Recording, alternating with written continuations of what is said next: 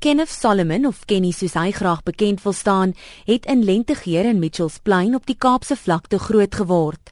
Hy vertel dat hy nie altyd groot drome van skaak gehad het nie. I wasn't really interested in chess, although my brother Graham taught me at the age of 7 or 8. And I remember learning the moves from him. He tried to encourage me and push me to learn the moves. I really wasn't willing to learn. For me at the time, it wasn't interesting. I had adventures outside. Um, I had friends outside, and I would be playing outside most of the time.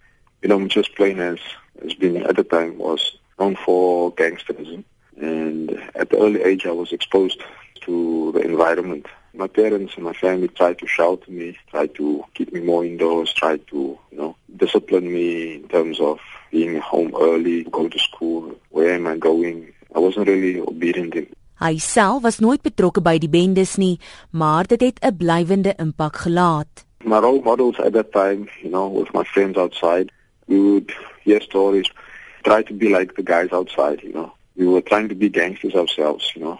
Were you ever involved with age. gangsterism? No, no, no.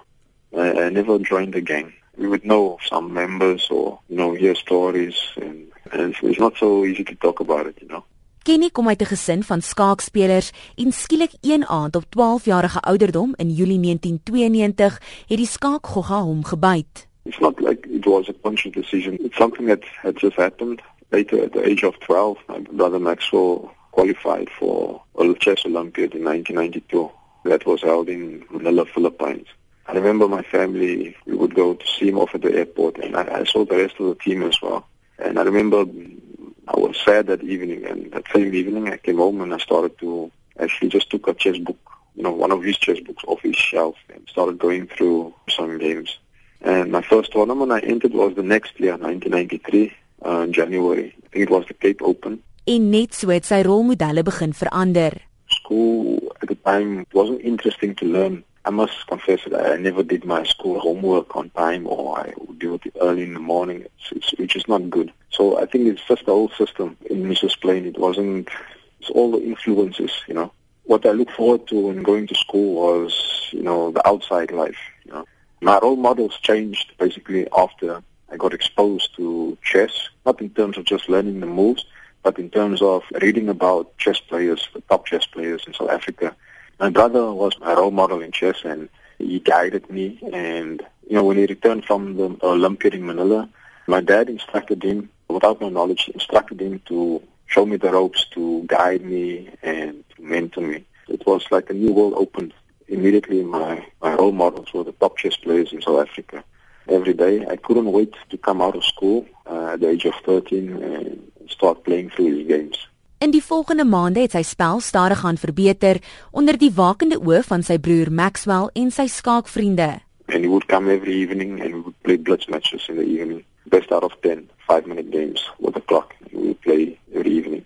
Later, when I became strong enough, I could challenge my brother after some months and I would be playing blitz matches with my brother Graham and Maxwell, who were about even in strength. After about a year, I overtook them in terms of strength. Die titel van grootmeester word nie vir elke Jan Rap en sy maat uitgedeel nie. You have to achieve three grandmaster norms and achieve a rating of 2500. To achieve a grandmaster norm you have to have a certain performance in an international FIDE tournament. FIDE is the world chess body. One of the criteria is you have to at least play or face three grandmasters from the federations and your overall tournament result has to be a certain percentage depending on the average rating of all your opponents. In 2012, I scored my final GM norms at the Chess Olympiad in Turkey, in Istanbul. And I faced something like, I think I played one international master and nine grandmasters. My tournament performance was 2,635 with a score of 5.5 out of 10. So that was one norm. So a norm is a performance you have in one tournament every two years or every year or so, FIDE has some change in the rules and systems, but they've established that a champion of a continental championships should be awarded the Grandmaster title and not the Grandmaster norm. And last year in December, I won the African Continental Chess Championships, achieving gold, and gold means Grandmaster title. Kenny het die groot skuif na Venesië in Italië gemaak om sodoende aan meer internasionale kampioenskappe deel te neem. Problem for many years in South Africa has been an insufficient number of FIDE rated tournaments and which wasn't so attractive for grandmasters very far away in Europe or America or in Russia to, to travel to South Africa. Instead, South African players have to travel to faraway countries to participate in tournaments to face grandmasters. So this has always been the challenge for me over the years until 2008.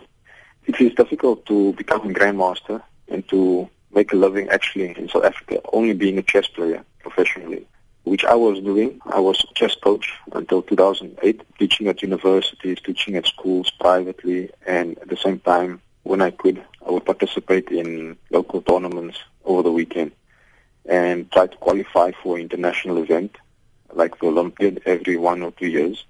With the sponsorship allowed me to compete more regularly on the international circuit.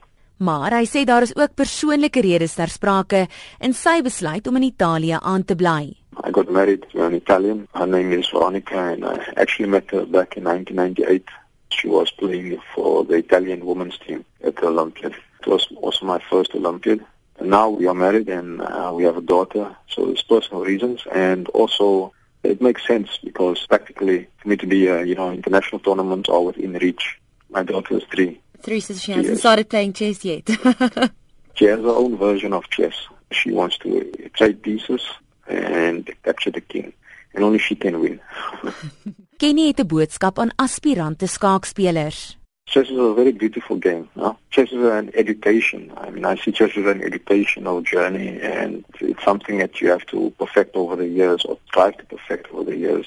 You know, in my experience, little opportunity to compete or to few opportunities. Uh, staying motivated is is, a, is a big challenge, and I think the key is to be passionate and to love what you're doing. Not only thinking about results, not only thinking about winning, running your own race and trying to perfect your art basically.